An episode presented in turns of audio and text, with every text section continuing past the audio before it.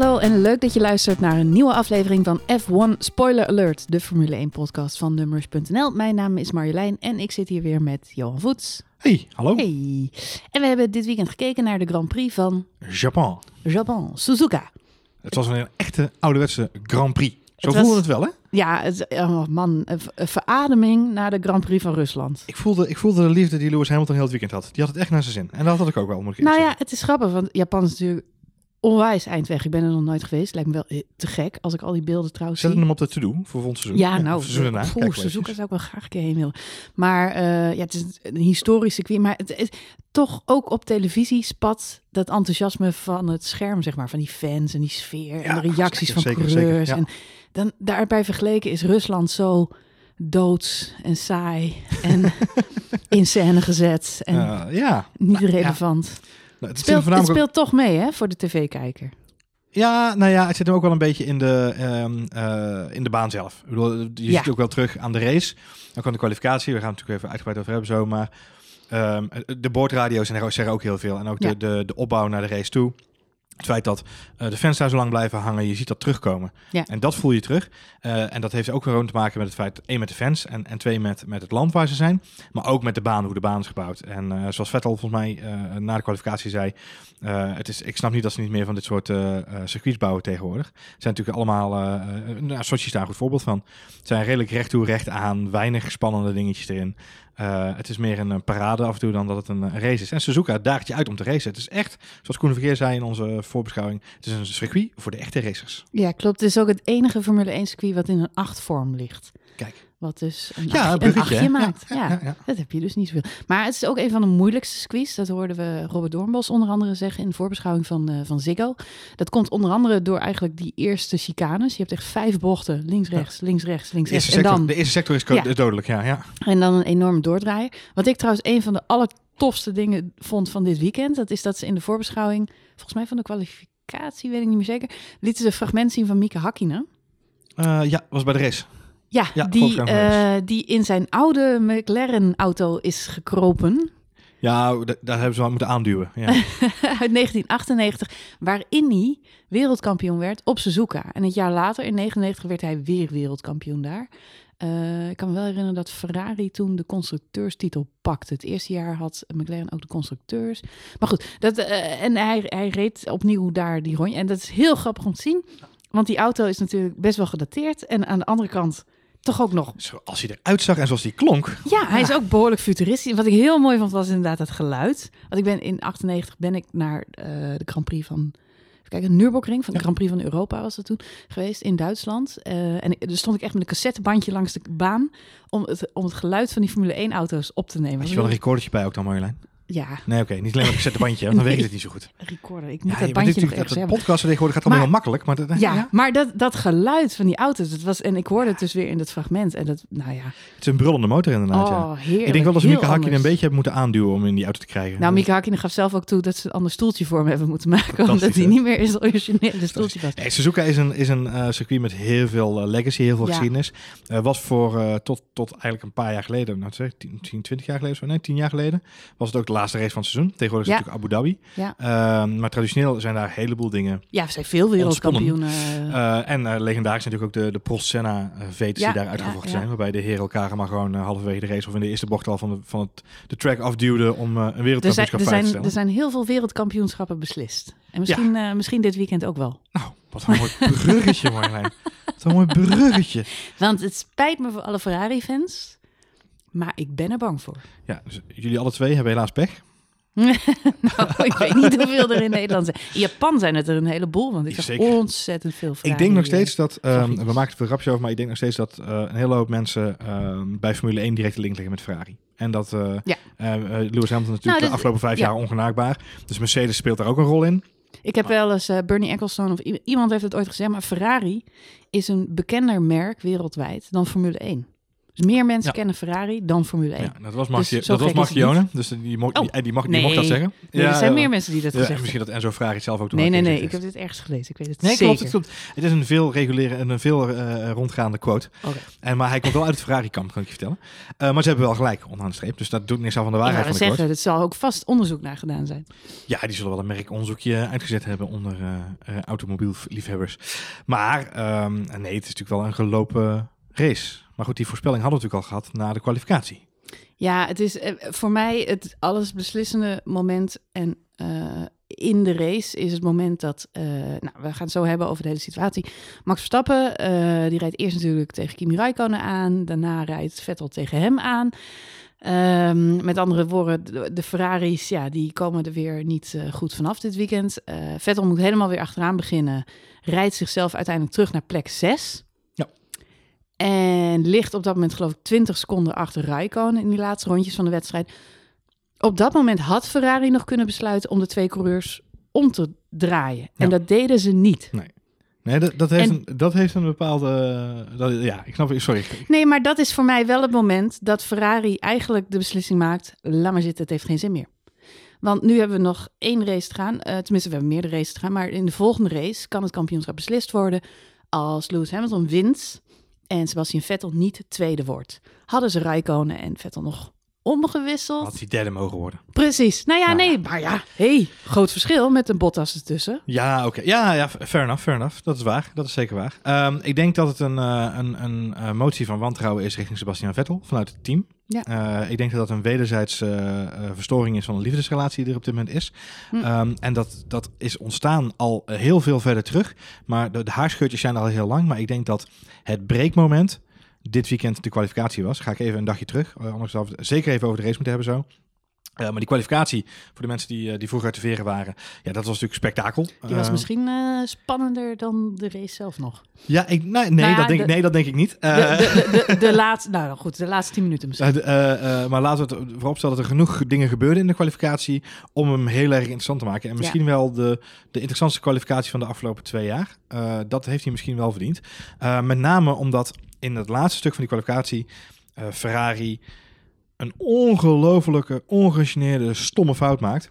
Ja. Eh, door, nou goed, ik hoef, niet, ik hoef niet alles te herhalen voor de mensen, want de mensen die deze podcast luisteren weten, weten de feitjes waarschijnlijk en die hebben de Mhm. race gezien. Maar door op die intermediates naar buiten te rollen, als eerste naar buiten te gaan. En ze staan voor die stoplichten. En Vettel die kijkt een keer naar links, die kijkt een keer naar rechts, en die kijkt een keer naar boven en die denkt, dit is niet verstandig. We made the wrong call. En dat zegt hij over de radio. En het is een optelsom van elementen die op vrijdag, zaterdag eh, gebeuren. Al de afgelopen twee weekenden, ook in Sochi, de fuck-up met de tijd. Oh nee, we gaan het wel redden. Oh nee, we gaan het toch niet redden. Het zijn ongegeneerde amateuristische fouten. Daar is Vettel heel boos over geworden. Heeft hij ook gewoon laten merken hè, in, de, eh, in, de, de persconferentie achteraf. Of in de, in de persconferenties. eh, De, de, de verschillende interviews die hij gegeven heeft. Vervolgens heeft Arie Verbenne uitgehaald. eh, jij vertelde dat ook. Naar het team. Door te zeggen. Ja, we hebben gewoon een heel jong en onervaren pitcrew. Ja. En eh, die hadden gewoon eh, niet, niet zo op die radar moeten kijken. Maar gewoon om zich heen. En daardoor hebben ze een foute call gemaakt. Wat ik heel typisch vind, want hij is de baas van het zootje. Ga dus, voor je zootje staan. Ik wou inderdaad. net zeggen, ga voor je zootje staan. En vervolgens hebben ze hem op, op zondag hebben ze hem laten zwemmen.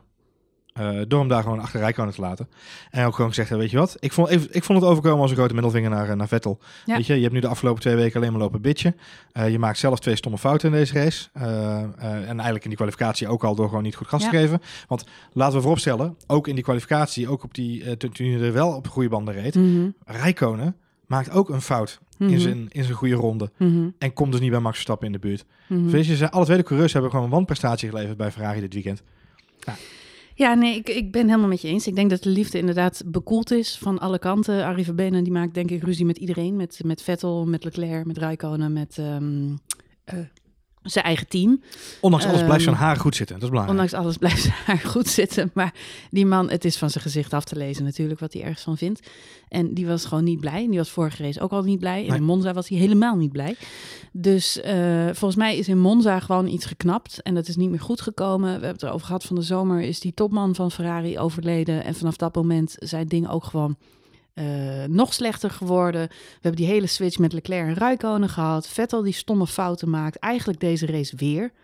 Want eh, ja, je kunt ervan zeggen wat je wil. Natuurlijk, Max is ook discutabel. Wat hij bij Raikkonen deed, vond ik niet handig. Vervolgens loopt hij met Vettel weer in de clinch. Dat, ja, eh, ze zijn allebei vrijgepleit, dus we kunnen er niks van zeggen. Nee.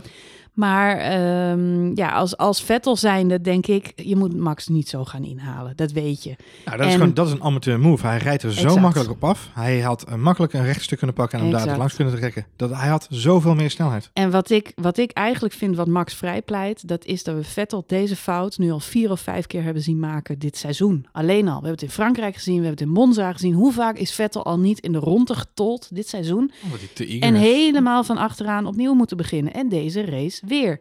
Achter de safety car, dus, dus het hele veld voorbij, kun je alleen nog maar achteraan aansluiten. Nou, het was echt de zoveelste keer. Ja, laten we kijken als we Baku... eh, even kijken. Baku, Frankrijk, Hockenheim, Monza. Monza. eh, vorige week eh, Rusland. Ja, en, nu, eh, de- en nu eh, ehm, in Japan. Als we die punten bij elkaar gaan optellen, ja, dan is dat verschil in één keer uitgelegd. Ja, dat is uitgelegd. Dan moeten we er wel bij zeggen dat Ferrari ook andere issues heeft. Want ehm, dit weekend is ook iets naar buiten gekomen over de motor. Ah, je bedoelt de sensor op de batterijen? De sensor op de batterijen. Ja, maar dat is geen issue. Leg Dat even is- uit voor de mensen uit wat er met de motor van Ferrari is gebeurd. Oké, wat er gebeurd is, is dat Ferrari eh, ergens aan in het voorjaar in één keer een verschrikkelijke boost had aan snelheid op het rechte stuk. het waren sneller dan Eh, we, Mercedes. we zagen in, eh, volgens mij zagen we het in, in België, Spa-Francorchamps, Mhm. zagen we Vettel op een gegeven moment op het rechte stuk eh, voorbij Hamilton trekken. Eh, alsof het een, eh, een eh, warm mes was door de boter. En dat was een heel opvallend gezicht. Op dat moment riep iedereen ook, ook Ferrari heeft de betere auto. En het is weer een strijd. Ferrari, of sorry, Mercedes heeft naar aanleiding van die situatie een klacht ingediend bij de FIA. Mhm. eh, bij Charlie Whiting en gezegd joh, luister, volgens ons doen zij iets met de batterij. Die auto's hebben allemaal, eh, het, zijn, het zijn hybride auto's, ze hebben ook oplaadsystemen. Mhm. Ze kunnen een batterij opladen en die batterij geeft dan extra pk's, extra boost. Eh, zij doen iets met die batterijen waardoor ze meer boost hebben op die rechtstukken. Dat kan haast niet anders, want anders is dat verschil niet te verklaren. VIA heeft gezegd, dat gaan we onderzoeken.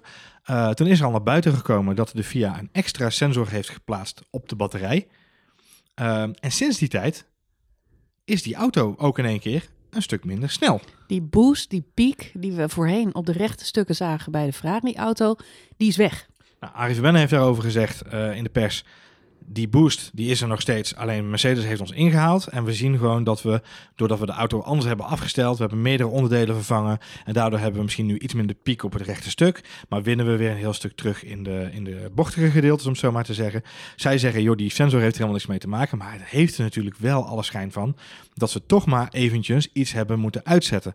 Ehm, dat wordt natuurlijk een beetje getriggerd door het feit dat ze ook al maandenlang met de FIA aan het ruzien zijn over de eh, in-cockpit camera die ze hebben. Dus eh, Mhm, er is een mhm. camera boven op de, op de luchthapper. Mhm. Ehm, die camera die kan dan eh, met de, met, op, op driver niveau meekijken. Dan heb je eigenlijk de cockpit view, om zo maar te zeggen. Ja.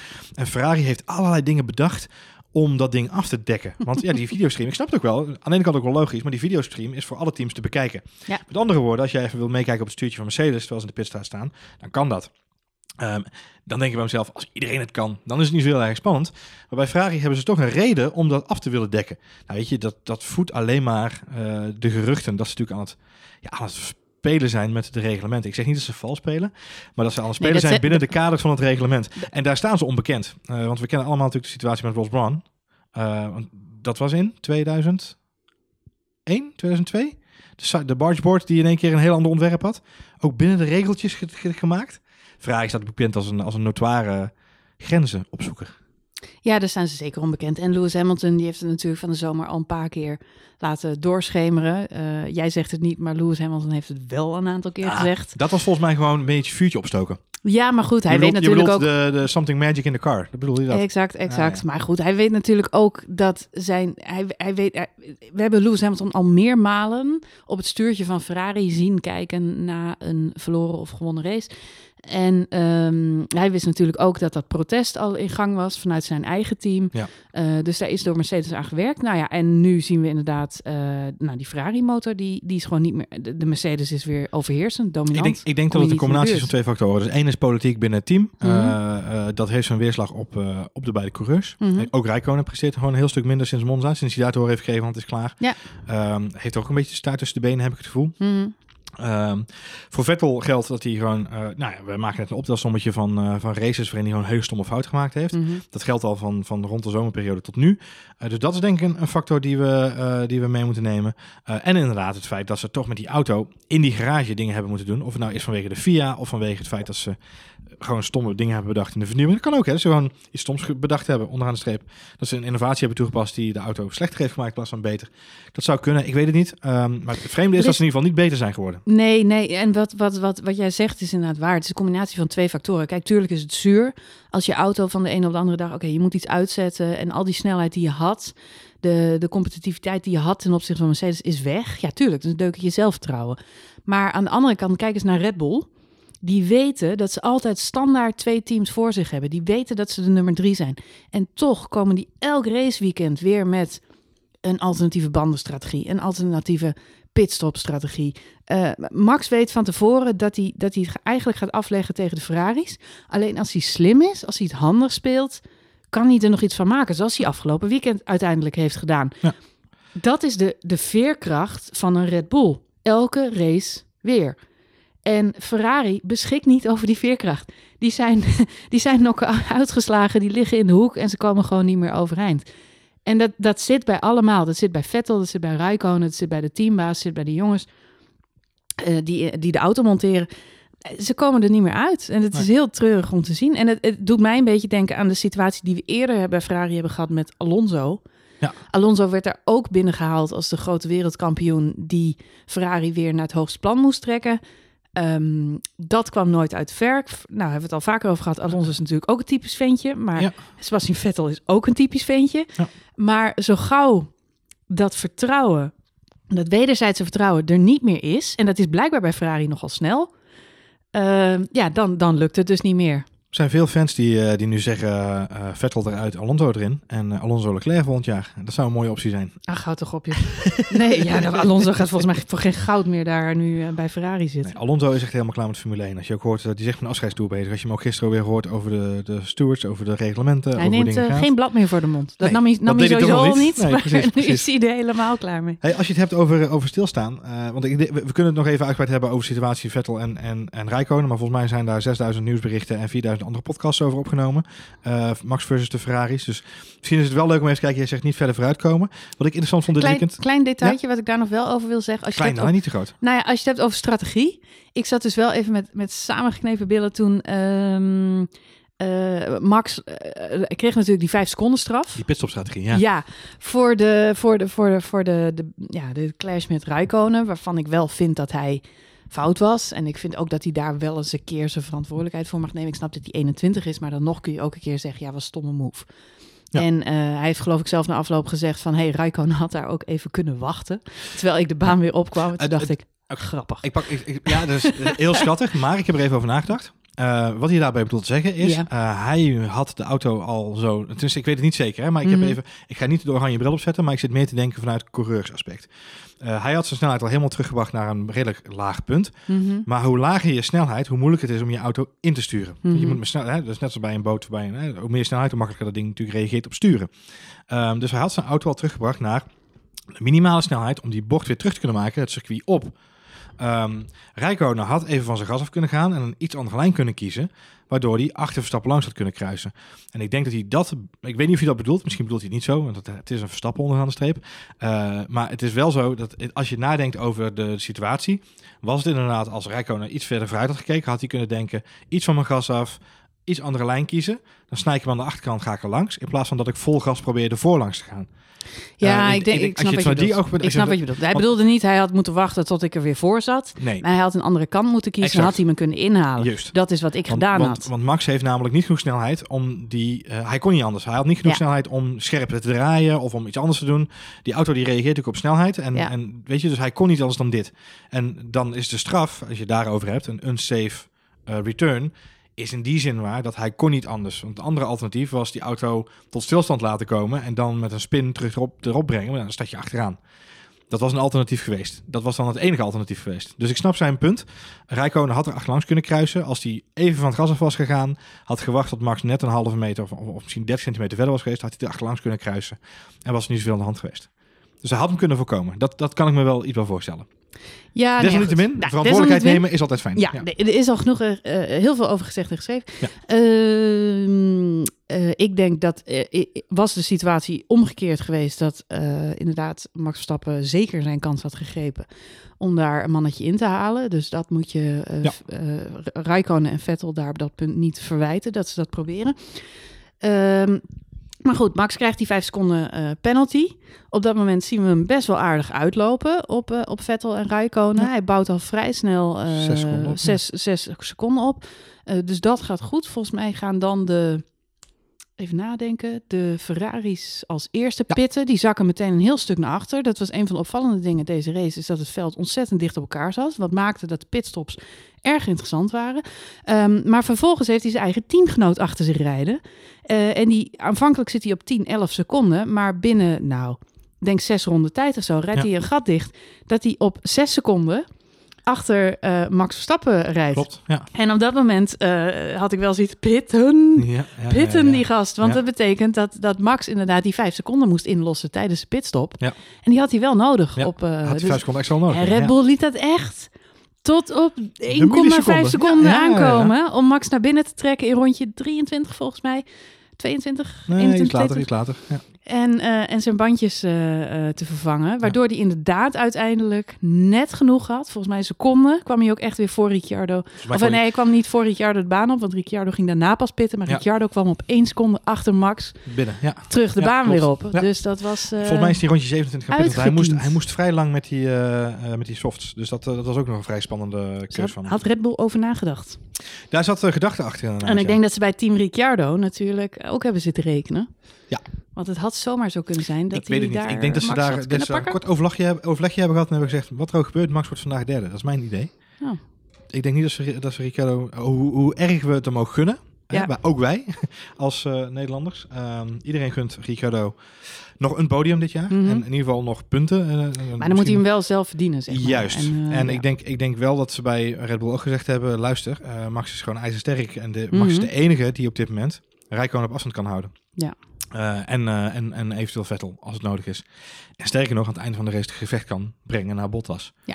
Ondanks het feit dat dat nooit echt een gevecht is geweest, misschien qua motor. Maar goed, Ricciardo werd We eh, hadden het over. eh, coureur van de dag. Dus, precies, en dat is ook fijn. Dat heeft hij ook wel eens een keer verdiend. Eh, na die oerschreeuw van afgelopen zaterdag eh, heeft hij dat zeker dat verdiend. was ook sneu. We hadden het over vooruitgang. En eh, eh, het brugje daar vond ik heel mooi om even te kijken naar eh, onze vrienden van Toro Rosso. Ja, die hadden een hele goede In kwalificatie. in hun thuis Grand Prix, om het zo maar even te zeggen. Het circuit van Honda. Fantastische kwalificatie. Ik denk dat ze bij Honda wel een feestje hebben gevierd. Ik denk dat de mensen wakker zijn geworden, s ochtends vroeg, die de kwalificatie opgenomen hebben. Of misschien niet eens opgenomen hebben, maar gewoon dachten, ik lees het wel. En die openden Twitter en die zagen Hartley voor Vettel. En toen dachten ze, huh?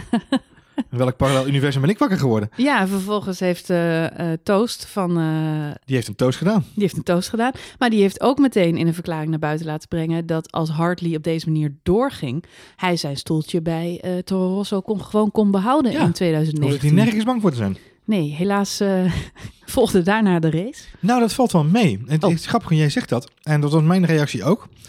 Want even, de, dus Toro Rosso is eh fantastische kwalificatie. 6 en Goeie- 7. Goeie 6 en 7 inderdaad. Eh, fantastisch trainingsweekend ook. Gewoon eh, behalve een momentje van Gasly met Hamilton. Eh, maar goed, voor de rest eigenlijk wel een goed, goed trainingsweekend achter de rug. Kwalificeren is ook fantastisch.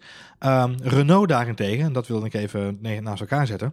Renault had een drama opbouw naar de Grand Prix. Eh, Q1 Hulkenberg eruit. De beide McLaren's er weer uit, want dat zijn natuurlijk ook Renault motoren. Mhm. Q2 gaat Ricciardo eruit met motorpech. Mhm, mhm. Not so good, Al. Mhm. Eh, dus daar zijn ze niet heel erg blij mee. Dan zien we in eh, Q2 ook Sainz wegvallen. Nou, dat is natuurlijk allemaal drama. Uiteindelijk is dus alleen eh, Max Verstappen nog met een Renault motor in Q3 te vinden. Nou, die pakket hem perfect voor de derde plek. Wat natuurlijk fantastisch is. Alleen, het is bizar om te zien dat er dus geen Renault meer was, eh, behalve Max Verstappen, in die laatste ronde kwalificatie. Tijdens de race zien we dus ook dat Hulkenberg, die moet hem uiteindelijk parkeren, die kan niet verder. Eh, ook een motorprobleem, volgens mij versnellingsbak mhm. zelfs. Ehm Sainz eindigt uiteindelijk op de tiende plek. Eh, Gasly en Hartley op 11 en 12. Dus iedereen, haha, Honda, slecht gereden, wat een drama. En zie je nou met je grote progressie, je hoort er helemaal niet bij. Maar laten we niet vergeten dat, dat sowieso Brandon Hartley niet eens zo heel veel Grand Prix heeft uitgereden dit jaar. Eh, en degene die die wel uitgereden heeft, hij niet hoger kwam dan P16 tot misschien 14. En nu eindigt hij ineens P12. Eh, hetzelfde geldt voor ehm, Gasly. Eh, Gasly, die al een aantal keer heel goed in de punten heeft gereden met die auto. Fantastisch gedaan. Maar tegelijkertijd ook altijd een beetje rond die 11e plek blijft cruisen. Dan kun je zeggen, dat was dus niet zo'n hele grote improvement van Honda ten opzichte van Renault. Want dat is natuurlijk de race die mensen wilden maken. Maar ik weet niet of mensen zich de eerste stint van Pierre Gasly voor de geest kunnen halen. Maar die jongen die reed ongenaakbaar op plek 6. ja, aanvankelijk wel. En eh, uiteindelijk ging hij keurig aan de kant van Ricciardo. Reed hij op P7. Mhm. Maar een fantastische, ongenaakbare race. Daar kwam geen... Hij haalde eh, Leclerc op een gegeven moment eh, soeverein in. Hij had echt een hele goede race. Maar precies wat jij net zegt, die pitstopstrategies, Ja. Die waren een doorslaggevende factor. Die motor, die Honda, die heeft echt wel een stap gemaakt dit weekend. Mhm, mhm. Het team van Toro Rosso daarentegen was er niet even helemaal bij. Nee. We zagen namelijk op een gegeven moment eh, eh, Hulkenberg volgens mij terugvallen van P10 naar P18 met zijn pitstop. Mhm. Zo dicht zat het op elkaar, Ja. daar achterin. Eh, en Gasly en Hartley zijn dus op een gegeven moment ook teruggevallen naar P14 en... eh, nee, sorry, P15 en P16. En weer gewoon teruggekomen keurig naar P10. Uiteindelijk heeft Sainz in de ene laatste ronde volgens mij Gasly ingehaald. Mhm. Of, of ergens aan het einde van de race in ieder geval. Eh, Hartley had, heeft nog iemand ingehaald voor P12. Dus ze hebben gewoon gestreden tot het einde voor de punten. Mhm. En dat is gewoon met twee auto's. Dus dat is wel degelijk een behoorlijke progressie. Renault daarentegen, dus maar één auto uit hun eigen stal aan de finish weten te brengen. En één schamel puntje. Nou, eh, ja, uit hun eigen stal maar één inderdaad. Ja. Ja, nou, de McLaren's die stonden weer eh, met z'n tweeën lekker eh, langs de kant te kijken. Alonso die even kunnen zwaaien naar iedereen, dus, terwijl ze drie keer voorbij kwamen. ja, die rijdt voor spek en bonen. Maar goed. Alonso kon alleen maar boos worden op Bottas omdat hij hem niet goed inhaalde. Ja, weet je, dat is dan... Nou, Alonso was wel, eh, Alonso was dubbel boos, want we, ze- we zeiden het net al, maar hij was ook boos om de. Hij kreeg, ja. hij kreeg ook een vijf seconden eh, penalty. En Stroll ook voor hetzelfde incident. Ja. Waarbij Alonso geloof ik ook van de baan schoot. Net als Max Verstappen eigenlijk min of meer. En eh, daarbij terug de baan op kwam en Stroll in de weg zat. En Stroll kreeg ook een straf voor datzelfde incident omdat hij Alonso in de weg zat. Ja, eh, Stroll, die, eh, het verhaal is dat Stroll maakte een move waardoor Alonso moest uitwijken. Mhm. En daar kreeg Stroll de 5 seconden penalty voor. Dat uitwijken wat Alonso deed, deed hij door recht het asfalt door Oh te ja, rijden. Dus hij, chicane af te snijden. Gaining an- an advantage. Yes, wat hij namelijk deed, want daar was namelijk Stroll niet zozeer voorbij. Maar Stroll deed eigenlijk hetzelfde als wat Magnussen bij Leclerc deed. Ongeveer, niet helemaal hetzelfde. Maar wat Alonso fout deed, is in principe loopt het asfalt daar een stukje rechtdoor. En dan naar rechts. Er kom je eigenlijk in de bocht weer uit. Mhm. Alleen Alonso dacht, ja weet je, fuck it, triple crown. Ik ga gewoon rallycross rechtdoor Mm. over dat gras. En die is dus rechtdoor het gras overgeschoten. Waardoor die eigenlijk weer, wat is het, een volle seconde voor Stroll uitkwam. Mhm. Terwijl die Stroll nog moest inhalen, officieel. Eh, en dat mag natuurlijk niet. Dat mag dus niet, Fernando. Nee, dat is ook zo. Dus eh, waarschijnlijk gewoon een terechte penalty. Maar hij was wel weer heel erg boos om dat hij die kreeg. Nou ja, het, is, het, is, het moeilijke daarvan is, eh, en dat blijft een discussie. Het is wat het gaat, zijn het net eh, voetbalscheidsrechters. Het blijft altijd een discussie, want het is nou eenmaal een menselijke call. Als je de situatie hebt van de verschillende situaties die we hebben gehad. We hebben Magnussen versus Leclerc. Magnussen rijdt voor Leclerc, eh, gaat op zijn lijn, Wijk, terug op zijn lijn. wijkt van zijn lijn af. Nee, nee, hij gaat op zijn lijn. Hij rijdt, eh, in principe rijdt hij terug de lijn op. Eh, hij wil hem aan de buitenkant verdedigen. Hij rijdt vervolgens weer terug zijn racelijn in. Hm. Eh, eh, alleen Leclerc wil daar voorbij knallen aan die kant. Die, die wil eigenlijk ook een move uithalen.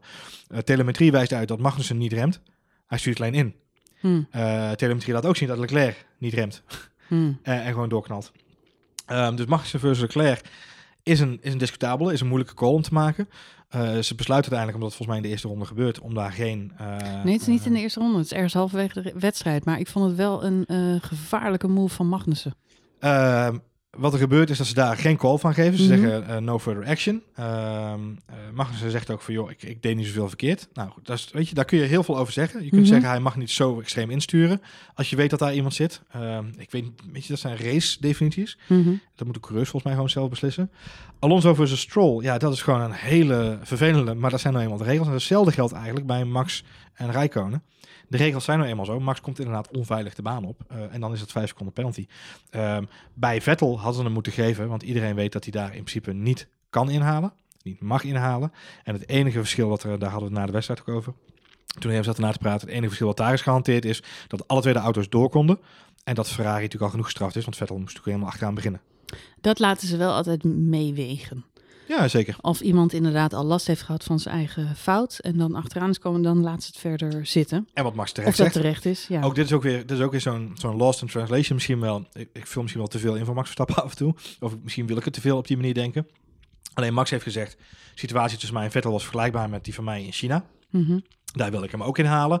Vervolgens gaf ik hem een duwtje en konden we ook gewoon verder. Was ook niet zoveel aan de hand. Ehm, daarvan heeft Whiting nu gezegd, joh, volgens mij T-boont hij hem daar gewoon. Hij- rijdt gewoon in zijn zijkant eh, in China, in de hairpin. Ehm, dat is één, dat is gewoon al niet veel veiliger. Ehm, eh, maar Max heeft daar wel vijf seconden penalty gekregen in China. En dat is het verschil met nu. Dus hij had verwacht dat Vettel ook een vijf seconden zou krijgen. Nou, ik denk onderaan de streep heeft Vettel die vijf seconden gehad. Namelijk vijf seconden spinnen en terug de baan opkomen. Eh, dus weet je, laat het gewoon gaan. Laat het een racing incident zijn. Want de volgende keer als Max zo'n actie heeft en, en het mislukt met een, met een eh, risky move, ja, weet je, dan, dan wil je dit gewoon als argument opvoeren. Laten we, laten we zo zeggen, de sport is in die zin wel veranderd. Vroeger had je niet zoveel penalties. Vroeger was het ook moeilijker mogelijk, want je kon niet die beelden real-time terugkijken. De kon, digitaal konden dan die straffen niet zo makkelijk uitgedeeld worden. De enige straffen die ze vroeger hadden waren stop-and-go penalties. Ja. Of rode vlaggen, maar dat zag je eigenlijk Zwarte nooit. vlaggen, ja, ja, ja. Nee, dus me- en zo'n stop-and-go penalty, nou, dat was meteen ontzettend ingrijpend. Want daar verlies je gewoon 30 seconden mee, want je moet de pi- pits Pit in, stilstaan In en en uit. Ja. Dus dat duurde ontzettend lang. Ehm, nou, nu zijn er allerlei lichtere straffen voor in de plaats gekomen, zoals die 5 seconden regel. Wat in Max' geval heel fijn was, was dat hij die tijdens de race al kon inlossen. Want na afloop, dan zit je altijd met het probleem, oké, dan ga je dus Heb terug in je punten. opgebouwd? Ja. Ja. Exact. Dus ik was heel blij dat het in het begin van de race gebeurde, omdat hij op die manier in elk geval die derde plek nog kon eh, terugveroveren.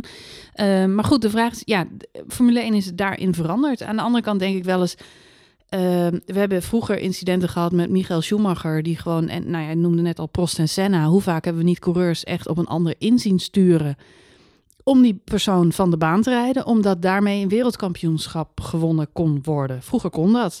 Als je voorlag in punten, er was er maar één ding wat je hoefde te doen. En dat is je directe concurrent van de baan rijden. Met z'n tweeën met pannen langs de weg staan. Klein duwtje geven, ja. En dan, en dan had jij gewonnen, want je had het meeste punten. En vaak, nou, dat was ook de uitslag dan. Nou ja, hoe onterecht dat was, kan ik niet eens beginnen te beschrijven. Maar Nee. ik heb vloekend en tierend voor de, baan, eh, voor de tv gezeten. Ja, dat kan me voorstellen. ja. Toen ik Schumacher dat op, eh, op Damon Hill eh, heb zien doen. Ja. En, en later probeerde hij het bij Villeneuve ook nog een keer. En pakte het in Villeneuve's voordeel uit uiteindelijk. Ja. Maar ehm, ja, dit zijn, dit zijn hele ehm, ja, dingen die, die nu dus eigenlijk niet meer voor kunnen komen. Die wel bestraft worden. En daarmee is de sport wel eerlijker geworden. Ehm, maar het is wel meer een scheidsrechtersport geworden. Het maakt het heel erg moeilijk. Ik zit toevallig sportzondag als het is, zit ik dan weer even s'avonds voetballen te kijken. En Ja. dan zie ik dat er een penalty wordt gegeven bij het voetballen. In een actie, de videoscheidsrechter ziet iets wat een veldscheidsrechter niet ziet. En daar wordt dan een penalty voor gegeven. En datzelfde komen zie je eigenlijk hier nu ook. Hè. De coureurs zelf zien soms geen dingen. Eh, eh, als typisch voorbeeld is de Max, eh, Max op Austin vorig jaar, op Mhm. Rijkonen. Mhm. Als je het hebt over risky inhaalmanoeuvres. Bochtje afsnijden. Eh, een klein stukje afsnijden. Nou, er is daar geen officiële track limit. De coureurs malen nergens om. Zelfs Rijkonen zei, wow, Ja. niet gezien, wat een toffe actie. ja. Iedereen was in awe van die inhaalmanoeuvre. En de scheidsrechter zegt, eh foei, dat mag Ja, dus niet. Doodzonde. Ehm, Want daarmee, zijn- daarmee wordt het een soort paardensport. juist. En dat is natuurlijk een sport. Nou ja, ik wil niet alle Formule 1 luisteraars van dit programma afvallen, maar dat is niet de sport waar ik heel enthousiast van word. Nee. Juist omdat hij zo eh, Pietje precies is. En zeg maar, dus dat past niet bij de Formule 1. Dus ik denk dat ze heel erg op zoek moeten naar die balans tussen wat hè, echte mannen die gewoon racen en tot het gaatje gaan Dus als we terugkijken naar de situatie Alonso en de regels. had je kunnen zeggen, Stroll maakt een fout. Ja, Alonso, Alonso pakt, ook. Pakt hem, nee, nee, Alonso maakt geen fout, want Alonso pakt hem zijn positie ja, terug. ja. Alonso had hem namelijk kunnen inhalen daar, of wilde hem inhalen. laat maar even gaan. Laat het gewoon gaan. Ja. Het is gebeurd. En weet je, waarom ben je al proactief aan het straffen voor iets wat, weet je, als je nadenkt, als je logisch de race volgt, Ja. dan zie je ook wel dat Alonso die Williams had ingehaald. Ja. Alonso is een veel betere coureur dan in Stroll. voetbal Dus ja. heb je voordeel. Ja, de voordeelregel toepassen. Ja, Exact. Ja, dat is het verhaal. Dus, eh, dus, Dus dat- ik vind wel dat ze daar nog zoekende in zijn. En, en, en laten we wel wezen, in elke sport, in elke scheidsrechtssport, wordt geklaagd door de sporters zelf. Ja. Dat zijn we ook. eh, ik heb vorige week eh, kreeg Ajax geloof ik nog een, een vrije trap mee. Puur dankzij protest bij de scheidsrechter. Nee, een gele kaart versierden ze. Oh. Puur door protest. Dus nee, ja, maar an- met andere woorden, Ja. Nee, het werkt soms ook nog. Eens. Dus, Hey, en eh, dat, dat, dat heb je dus nu in de, op de boordradio's ook. Hè? Dus mensen klagen de, de godganse dag over van alles en nog wat. En ik weet niet of dat de sport ten goede komt. Weet je, laat het gewoon, eh, vecht gewoon uit op de baan. Eh, ik ben niet zo'n purist als misschien de Robert Doornbos van deze wereld die zeggen... ik wil helemaal geen stewards hebben daar. Laat ze gewoon racen. Want ik ben wel met je eens dat er natuurlijk een bepaald niveau van, van valspelen moet worden voorkomen. Maar ja, tegelijkertijd, als je kijkt naar situatie Rijkoon, de alle situaties van afgelopen weekend, Mhm. zou je ook hebben kunnen afdoen met een, met een racing incident. En dan waren er geen Nou, dus, er zijn vast ook ja, liefhebbers van de sport, die, die de move van Schumacher, ja, het had ook natuurlijk de romantiek van de sport. Want het was zo onterecht, het was zo onrechtvaardig. Dat ben je zo niet gewend van een sport. Dat dat misschien ook wel ja, maar je kunt, aan... je eh, kunt in de sport altijd de verkeerde dingen verheerlijken. Je moet altijd denken aan Erik Cantona, die, als je het hebt over voetbal. Mhm. eh, natuurlijk als jongetje opgegroeid met voetbal. Erik Cantona was een spits bij Manchester United, mhm, een wereldclub. Dus Mhm. een toonbeeld voor veel jongeren. mhm. En Erik Cantona kreeg het voor elkaar om een karatentrap uit te delen in het gezicht van een supporter. Eh, die supporter zei iets onvriendelijks over zijn moeder, geloof ik. Ehm, en eh, eh, tijdens de wedstrijd vanaf de zijlijn, ja, de, de, de sport zit in Engeland natuurlijk en tegenwoordig in Nederland ook Ja. wel redelijk dicht op het veld. Dus hij maakte gewoon een volledige karatentrap in het gezicht van die supporter. Iedereen vindt het heerlijk, een speler met een randje. Mm.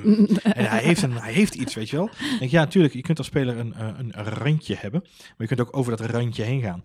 En datzelfde geldt voor Baku eh, vorig jaar. eh, Mhm. Vettel en Hamilton. Even weer terug naar onze geliefde autosport. Mhm. Geldt ook. Daar, daar, je dat, dan ga je het randje over. Als je wat, Ja. wat Vettel daar op Hamilton deed, inhalen en, en wheelbangen, Mhm. dan, dan, dan ben je het kwijt. Ja. Dan, dan ben je niet meer met een randje bezig, dan ben je er voorbij. En wat Vettel de afgelopen, en dan gaan we een mooi brugje maken naar Vettel, dan kunnen we daarmee afsluiten. Mhm. Als je kijkt naar wat Vettel de afgelopen zes races laat zien, of eigenlijk vanaf de zomer, uh, wij hebben het zelf gezien in, Mhm. eh, in, Frankrijk. eh, Paul Ricard, op Paul Ja. Ricard. Eh, nu weer afgelopen weekend in Japan. Die man is over het randje Mhm. en je kunt hem terughalen, maar dan vraag ik me af, als je hem nu terughaalt en je brengt hem tot rust, of hij in staat is om volgend jaar met een goede auto wel wereldkampioen te worden. Ik denk namelijk dat hij mentaal gewoon niet in staat is om wereldkampioen te worden. En ik denk dat hij geluk heeft gehad dat hij bij Red Bull in een fantastisch team terecht is gekomen. Ja. Want we zien het nu aan Max, we zien Ja. het aan Daniel Ricciardo, Christian Horner en de zijne. Ja. Het is een fantastische ploeg mensen. Eh, niet omdat, alleen omdat Max daar race, maar gewoon iedereen weet dat als je daar race, is het een goede ploeg. Nou, en met veerkracht. En met veerkracht, resilience, eh, er hangt een hele goede sfeer in die groep. Eh, het is niet alleen maar op social media dat die grappige filmpjes terug gaan komen. Die jongens hebben echt plezier met elkaar. Mhm. Uh, maar laten we niet vergeten dat in 2014 Sebastian Vettel ook het snot voor zijn ogen gereden werd door de debutant Daniel Ricciardo. Absoluut. Dus volgend jaar een Charles Leclerc. Ik ben benieuwd. Ik ben heel benieuwd. Heel benieuwd hoe, eh, hoe Ferrari eh, nog iets eh, kan betekenen. We gaan naar Austin over twee weken. Dat is leuk. Oh, leuk. Heb je tickets? Nee, dat, is, oh, dat zou ik wel heel leuk vinden. om naar Austin te gaan. Austin is een hele mooie baan. Want eh, Mm. het is zo'n baan waar je van die promoplaatjes kunt eh, schieten. Van, want die raceautootjes rijden er echt als een soort... Nou, eh, vastgelijmd aan het... Ja. Het is een hele wijdse baan. Net zoals Paul Ricard eigenlijk met van die rood-blauwe striping eromheen. Er staat midden op het circuit staat ook een heel groot podium... waar concerten worden gegeven. Vorig jaar was er geloof ik ook een heel groot eh, concert... na afloop van de Grand Prix. Uiteraard. Ja. Uiteraard. Iets met country en western. Ja. Nee, nee, nou nee, niet per se. Er staan alle Justin Timberlake, dat soort types treden daar eh, normaal op. Maar het heeft hoop, hoop glitter en glamour. Vorig jaar hadden ze ook uitgepakt. Toen kwamen al die coureurs die kwamen op in een soort rookmachine met confetti eromheen. En zo'n stadionomroeper die al die namen hardop voorlas. Daniel, the torpedo Fiat. Die bedoel je, ja. die bedoel ik. Dus ik ben heel benieuwd wat ze dit jaar gaan doen. Ze willen Formule 1 in Amerika natuurlijk eh, ja, groter maken, populairder maken. Dus dan kopiëren ze af en toe die dingetjes die ze vanuit de IndyCar, NASCAR gewend zijn. Misschien eh, kan eh, Nicki Minaj een uh, hip-hop optreden doen Ik samen met Lewis zeggen, Hamilton. het zou me niet verbazen als ze daar gespot wordt hoor, op de grid. Tuurlijk. Alhoewel, ik wel moet zeggen dat we hebben het veel over Lewis Hamilton gehad, die allerlei uitstapjes en dingetjes heeft. In het verleden zagen we vaak dat hij zijn vriendjes en vriendinnetjes ook meenam naar het raceweekend. Hmm. De afgelopen races is dat niet zo. Nee. Nee, Nicki Minaj is niet het type... Geen Justin Bieber niet meer type wat je heel makkelijk verstopt, zeg maar, voor de pers. Nee. Nee, exact. Nee. Dus hij heeft wel toch ervoor gekozen om in zijn raceweekenden een soort focus aan te brengen. Niet met dat leven bezig te zijn en gewoon goed te rijden. Als, hij, als, hij, als dat de sleutel is tot zijn succes van de afgelopen eh, maanden, holy crap. Het is echt, eh, die man is in bloedvorm. Ja, hij is echt in vorm. Maar goed, of dat in Amerika ook zo is, weet ik niet. Want hij kent daar natuurlijk veel mensen, dus die zal die Hij vast zal allemaal, druk hebben. eh, De, de week hij zal druk hebben. Nou ja, misschien presteert hij daardoor ook in. Dan kunnen we meteen deze theorie Oh, testen. ja, goed. Noteer hem even. Wacht, ik schrijf even op. Sluit jij even af, dan doe ik even notities. het zou Kom wel mooi zijn voor het kampioenschap als eh, Vettel natuurlijk ineens weer eh, daar gaat winnen. Ik ben even mijn notitieboekje aan het zoeken. ja, ik, ik heb hem. Ja. Ik schrijf Goed. even op. Theorie van Marjolein. En sluit jij af? Ja. Eh, we gaan naar Austin. Daarna gaan we naar Mexico, wat ook een hele toffe race is, waar Max eh, vorig jaar Mexico. gewonnen heeft. En waar eh, Lewis Hamilton tegelijkertijd kampioen werd. Dus het kan zo nog maar eens een extra hè, weekend duren. De, vorig jaar was dat het geval. Ja, gaat Lewis Hamilton het nu in Amerika doen? Vorig jaar lukte hem dat niet. Toen bezweek hij toch onder de druk. Of toen was er iets waardoor hij het niet in Amerika veilig kon stellen.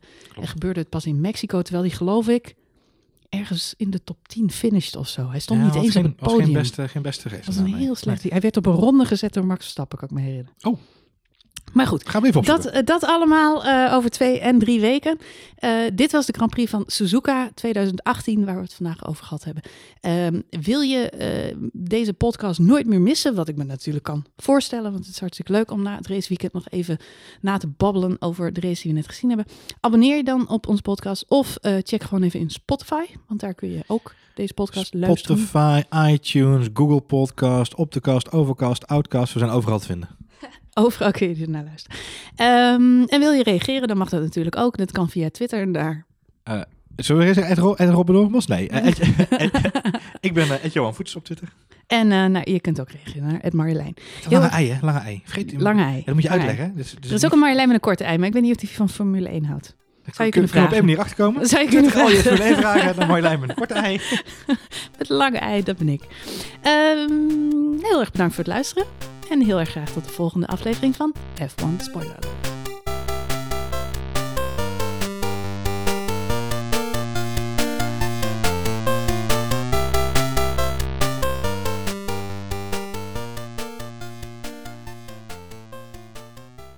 Hey, eh, wist jij dat ik vroeger best wel een beetje op Justin eh, Timberlake